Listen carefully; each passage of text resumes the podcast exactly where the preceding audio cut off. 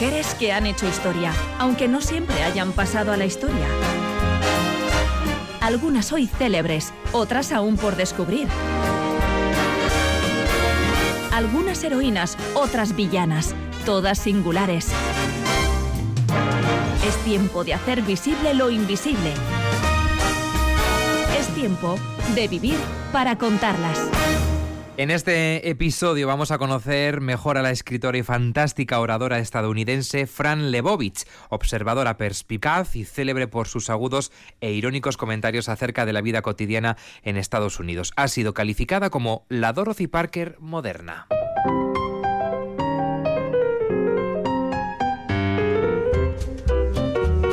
Con su vertiginosa rapidez mental, su afilada lengua, su corrosivo sentido del humor y una personalidad arrolladora, Fran Lebovich solo ha necesitado publicar un par de libros en toda su larga vida para pasar a la historia. Edurne Vaz, ¿qué tal? Hola. Hola, muy bien. Porque solo dos libros. Pues fundamentalmente porque es víctima del que quizás sea el mayor y más famoso bloqueo de escritor de la historia de la literatura, pero solo en lo tocante a la palabra escrita, porque ella es una de las más elocuentes oradoras que ha dado Norteamérica. Elija la forma de comunicación que elija, jamás deja a sus interlocutores indiferentes. Es probable que sea, como leí en una ocasión, la persona que mejor se enfada del mundo y resulta, si cabe, más divertida cuanto más indignada está. Y si no, que se lo pregunten al cineasta Martin Scorsese, gran amigo y rendido admirador, que se troncha de risa cada vez que la buena de Lebovich abre la boca. Hoy, en Vivir para contarlas, nos adentramos en la figura de la cascarrabias más carismática, una neoyorquina recalcitrante, capaz de abordar los más profundos asuntos desde el humor más inteligente.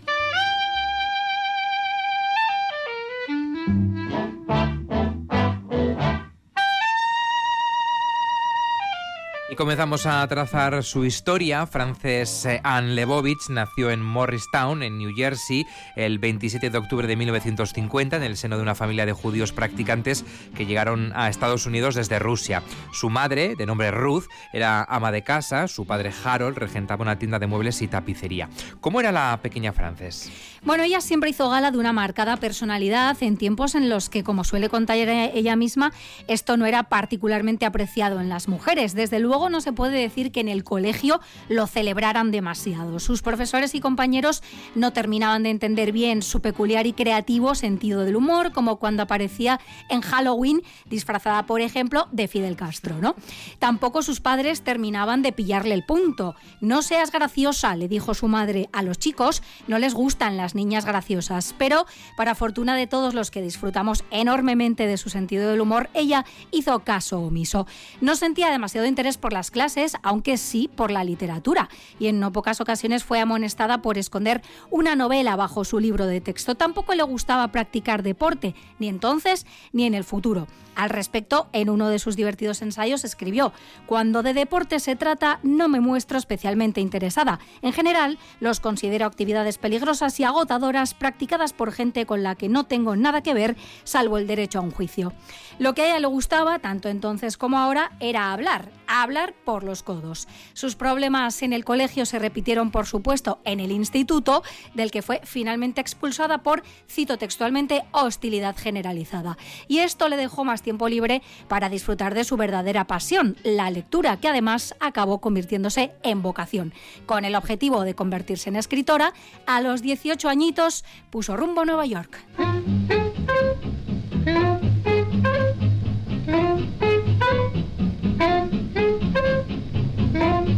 Vamos a irnos hasta Nueva York, que precisamente no es y no era ni lo será una ciudad barata, aunque era infinitamente más barata que en la actualidad, como se encarga de recordar la propia Fran Lebovich siempre que tiene ocasión. Em, ¿A qué se dedicó cuando se mudó a la Gran Manzana?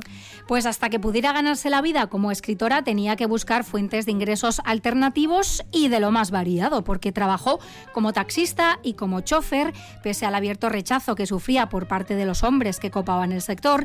Trabajó también como vendedor ambulante de cinturones o como limpiadora y solo hubo un trabajo que siempre evitó, el de camarera. La razón era que, como ha denunciado ella misma, por aquel entonces era prácticamente imposible conseguir ese trabajo sin antes acostarse con el encargado, algo que como bien sabemos no está del todo superado y en este sentido Lebovich sostiene que si fueron eh, las actrices de Hollywood las que a través del Me Too consiguieron dar visibilidad a un movimiento que ella pensaba que nunca llegaría, debemos seguir poniendo el foco, dice, en perfiles más vulnerables, como por ejemplo la limpiadora de un hotel de la que abusa sexualmente su jefe y cuya voz no es escuchada.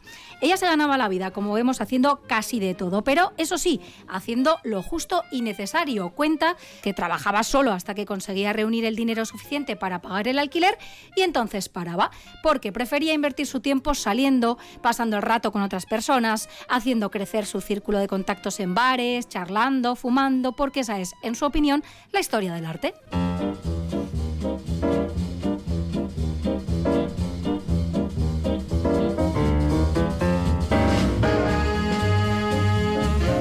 Mientras se ganaba la vida con esto y con aquello, Fran Lebovich seguía trabajando con ese objetivo, ¿no? el de convertirse en escritora. Y a tal efecto iba probando suerte con esa vieja estrategia del ensayo-error. ¿Le, funcionó? Pues a veces sí y a veces no. Por ejemplo, en una ocasión se personó en la oficina de una editorial bohemia y por aquel entonces muy prestigiosa y entregó un libro con algunos poemas que había escrito. Entré y puse el manuscrito sobre la mesa de la recepcionista, cuenta ella. Me gustaría aclarar que iba descalza. Dije, soy poeta, y lo dejé allí. Luego esperé durante días una carta, pero por suerte no me respondieron. Uno de aquellos trabajos alimenticios sí que hay que decir que le iba a cambiar la vida. ¿eh? ¿Qué trabajo? Tras acceder a la revista Changes como vendedora de espacios publicitarios, consiguió empezar a publicar en ella sus primeros textos, fundamentalmente críticas de libros y películas, y su incisivo estilo llamó la atención de Andy Warhol, que la fichó para su revista Interview. Aquello puso a Lebovich en el radar de la elitista intelectualidad neoyorquina que cayó rendida ante la locuacidad, el ingenio, la ironía y el innegable carisma de aquella joven.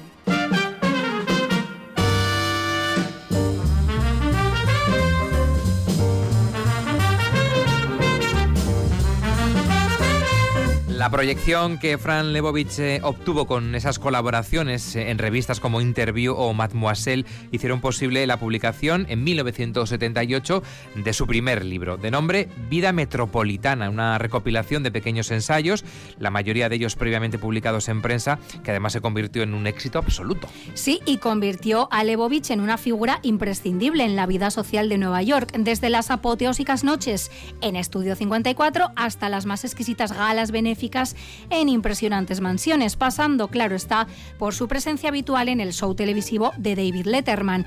Surfeando la exitosa ola, en 1981 publicó su segundo libro, que se llamó Breve Manual de Urbanidad y que era, como el anterior, una colección de ensayos humorísticos que ya habían sido publicados previamente en periódicos y revistas. Ambos son libros de culto que hasta hace poco era muy difícil conseguir, pero este mismo año la editorial Tusquets, muy acertadamente, ha reeditado las dos obras reunidas en un único volumen que se titula Un día cualquiera en Nueva York. Bueno, pues ensayo, error, ensayo, error. Lo que está claro es que el objetivo de Fran Lebovich se había cumplido eh, y ya era una escritora profesional. Sí, pero entonces llegó uno de los más largos y célebres bloqueos de escritor de la historia, porque resulta que a ella siempre le había encantado escribir hasta que tuvo que hacerlo de forma profesional.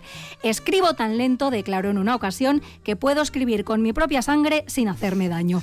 En 1990 y en mitad de una gran expectación reapareció con una sorprendente propuesta. El señor Chas y Laisa Su conocen a los pandas. Era un libro infantil sobre pandas gigantes que viven en la ciudad de Nueva York y que desean trasladarse a París.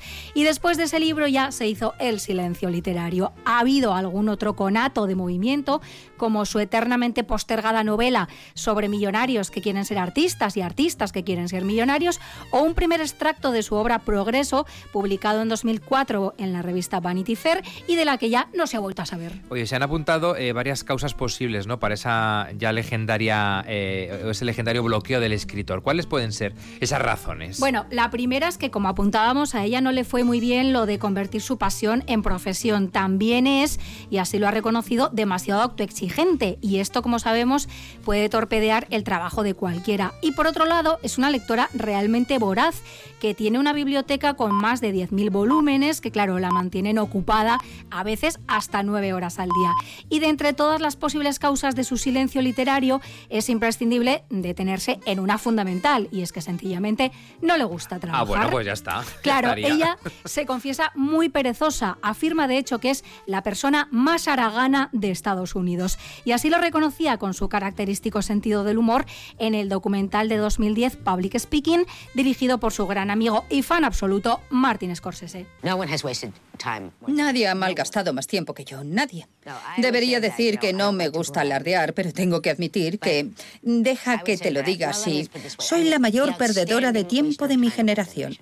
No me hace falta que mis amigos lo digan, porque mis enemigos te dirán que es verdad. No hay nadie que haya perdido más tiempo que yo. Un día me fijé que estaba en 1979 y la siguiente vez que lo hice era como 2007. Pensé, más te vale ponerte a trabajar, Fran.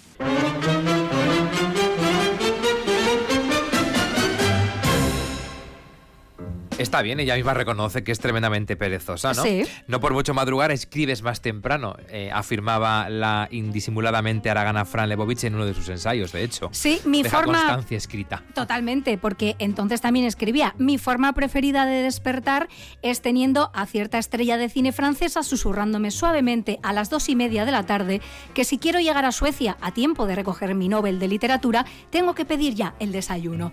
El problema es que, como ha dicho en incontables odia el dinero, pero le encantan las cosas. Le encantan los libros, le encanta la ropa, le encantan los muebles, le encantan los coches, así que ha tenido que buscar vías alternativas a la escritura para sufragar sus gastos personales. Una de ellas ha sido la de actriz ocasional y algunos quizá recuerden que interpretó a la juez Janice Goldberg en la serie de televisión Ley y Orden, donde emitía sus sentencias y fijaba sus fianzas con su inimitable estilo personal. Happy? No? Good. Next case.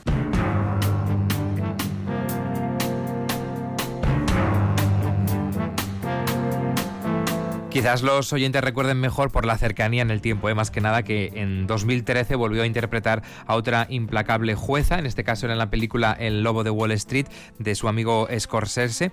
Es una mujer, como vemos, eh, muy polifacética, ¿no? Sí, como la buscavidas que ha sido siempre, Fran Lebovich se ha ganado la vida de las formas más variopintas, pero lo que quizá nunca imaginó es que acabaría monetizando una de sus más precoces y destacadas habilidades, ¿no? La de hablar por los codos con una rapidez mental y un ingenio pocas veces vistos antes. Y ciertamente no le va nada mal, teniendo en cuenta que más de 40 años después de publicar sus dos únicos libros para adultos, Fran Lebovich sigue llenando salas de conferencias por todo Estados Unidos o reuniendo a miles de espectadores frente a la pantalla cada vez que visita programas de televisión como el de Jimmy Fallon o el de Bill Maher. Al final resultó que lo que tantos problemas le había causado de niña no solo se convirtió en su principal modo de vida, sino que ha hecho de ella un verdadero icono.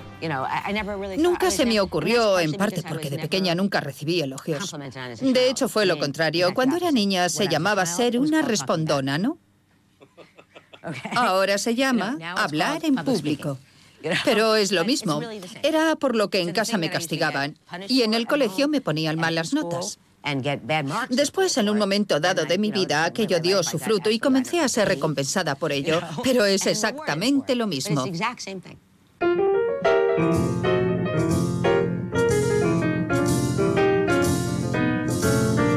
Aunque se ha mantenido activa como columnista en revistas como Vanity Fair, Fran Lebovich vive de qué fundamentalmente? De, de, las apariciones en televisión, de las conferencias, de estos shows que hacen directo. Sí, sí, porque ahora mismo es una escritora que apenas escribe y tampoco le hace falta alguna, ¿no?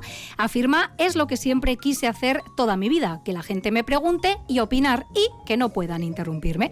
Opina absolutamente de todo en general y sobre también la vida cotidiana y cultural de Nueva York en particular. Bueno, de un modo completamente libre e insobornable, lo cual resulta especialmente meritorio en la edad de oro de la corrección política, es el caso este de, de Fran Lebovich, ¿no? Totalmente, porque no parece preocuparle en absoluto lo que opinen de ella. Y es que tampoco es fácil que se entere porque no tiene ni ordenador, ni teléfono móvil, ni obviamente redes sociales. Si alguien quiere ponerse en contacto con ella, no tiene más remedio que llamarle al fijo de su casa o escribirle una carta. Más allá de su valerosa honestidad, su otra gran virtud es, por supuesto, lo certeros que pueden llegar a ser sus análisis y su asombrosa capacidad para la improvisación. Martin Scorsese lo describe así. Empieza con un asunto y ella lo convertirá en un riff, como un músico de jazz. Es el tempo, la historia que cuenta, los remates, las pausas. Es como la música, que Además, hay que decir que para Scorsese, Fran Lebovich es la persona más divertida del mundo y esto queda claro tanto en el documental Public Speaking como en Supongamos que Nueva York es una ciudad, que es la serie de siete capítulos disponible en Netflix, en la que podemos ya disfrutar con verdadero deleite de las disquisiciones de Lebovich sobre cultura, transporte urbano, deporte y salud o gestión presupuestaria. Ver algunas de sus apariciones en programas de televisión o imágenes de archivo de ese Nueva York, el de los años 70, que para bien y para mal ya no existe. O sea, recomendable la serie. Muy recomendable. Bueno, a mí es que me fascina esta mujer que dice, saco de quicio a la gente porque tengo opiniones para todo. Y es, completamente cierto. Y, en efecto, no hay tema que escape a su disección.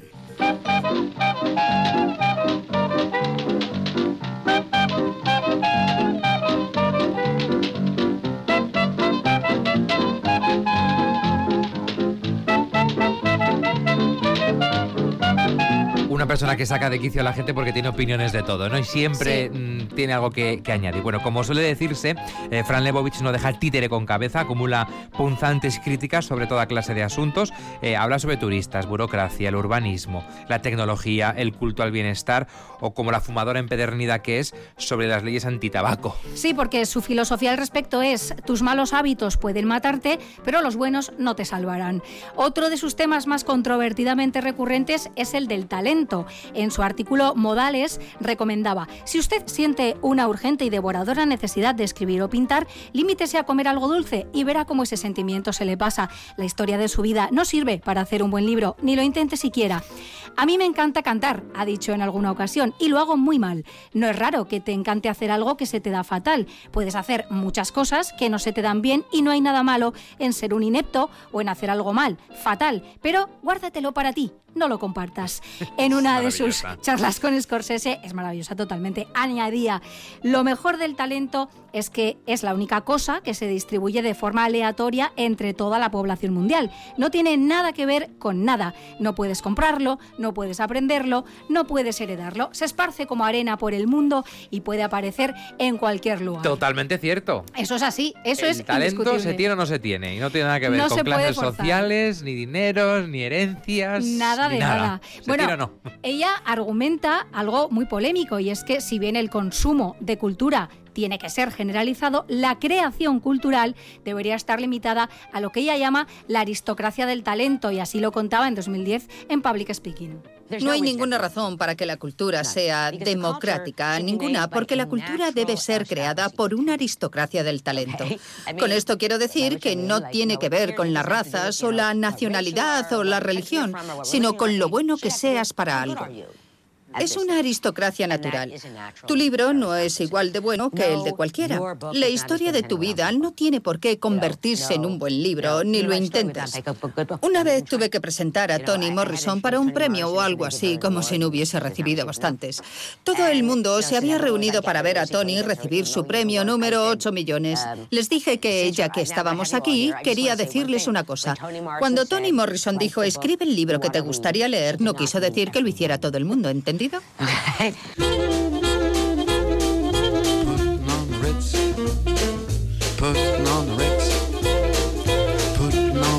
Una de las em, cosas que más llama la atención de Fran Lebovich, aparte de em, haber hecho de el hablar eh, su modo de, vida, es ese eh, sentido de humor tan agudo que estamos observando en estos extractos que estamos escuchando, pero también su característica imagen. ¿Cómo es? Bueno, hay que apuntar que en septiembre de 2007 la revista Vanity Fair la incluyó en la edición número 68 de su anual Lista Internacional de las Personas Mejor Vestidas.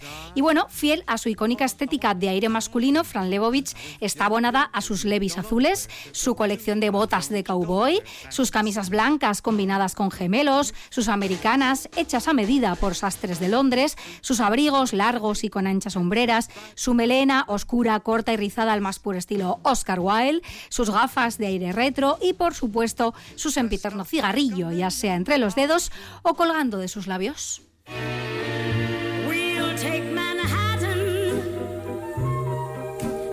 Bronx and Staten Island too.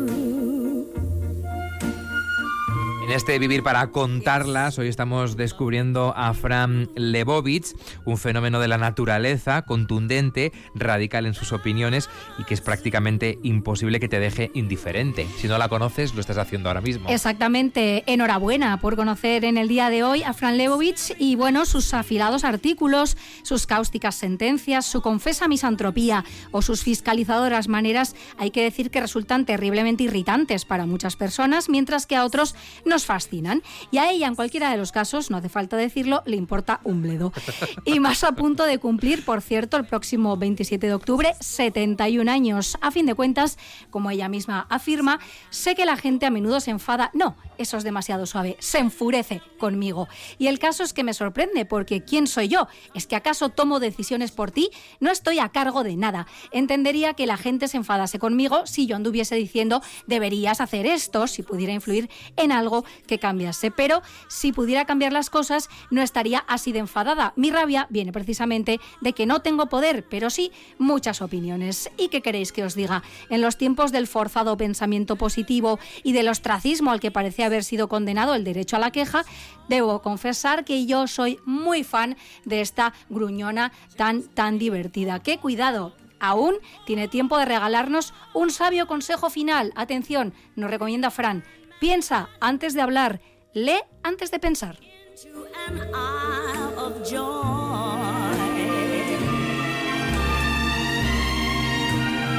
Si conocíamos a Fran Lebovich, nos has dado un puñado de razones para seguir amándola y quienes no la conocían, pues enhorabuena, lo han hecho en este espacio Vivir para contarlas, considerada como esa Dorothy Parker moderna y con algunos rasgos importantes, ¿no? Esa rapidez mental, esa afilada lengua, ese sentido del humor, esa personalidad, en fin, un personaje eh, muy interesante que se esconde detrás de una persona también eh, igualmente maravillosa. Bueno, que se lo pregunten a Scorsese, que la adora, la venera con todo su ser y ahora tenemos la oportunidad para los que sientan la curiosidad de conocerla mejor, porque Tusquets, como decimos, ha reeditado sus dos libros únicos en uno. Así que, bueno, ahí está la opción. Hoy en Vivir para contarlas, Fran Lebovitz. Edurne Baces, que ricasco. De nada, Gur.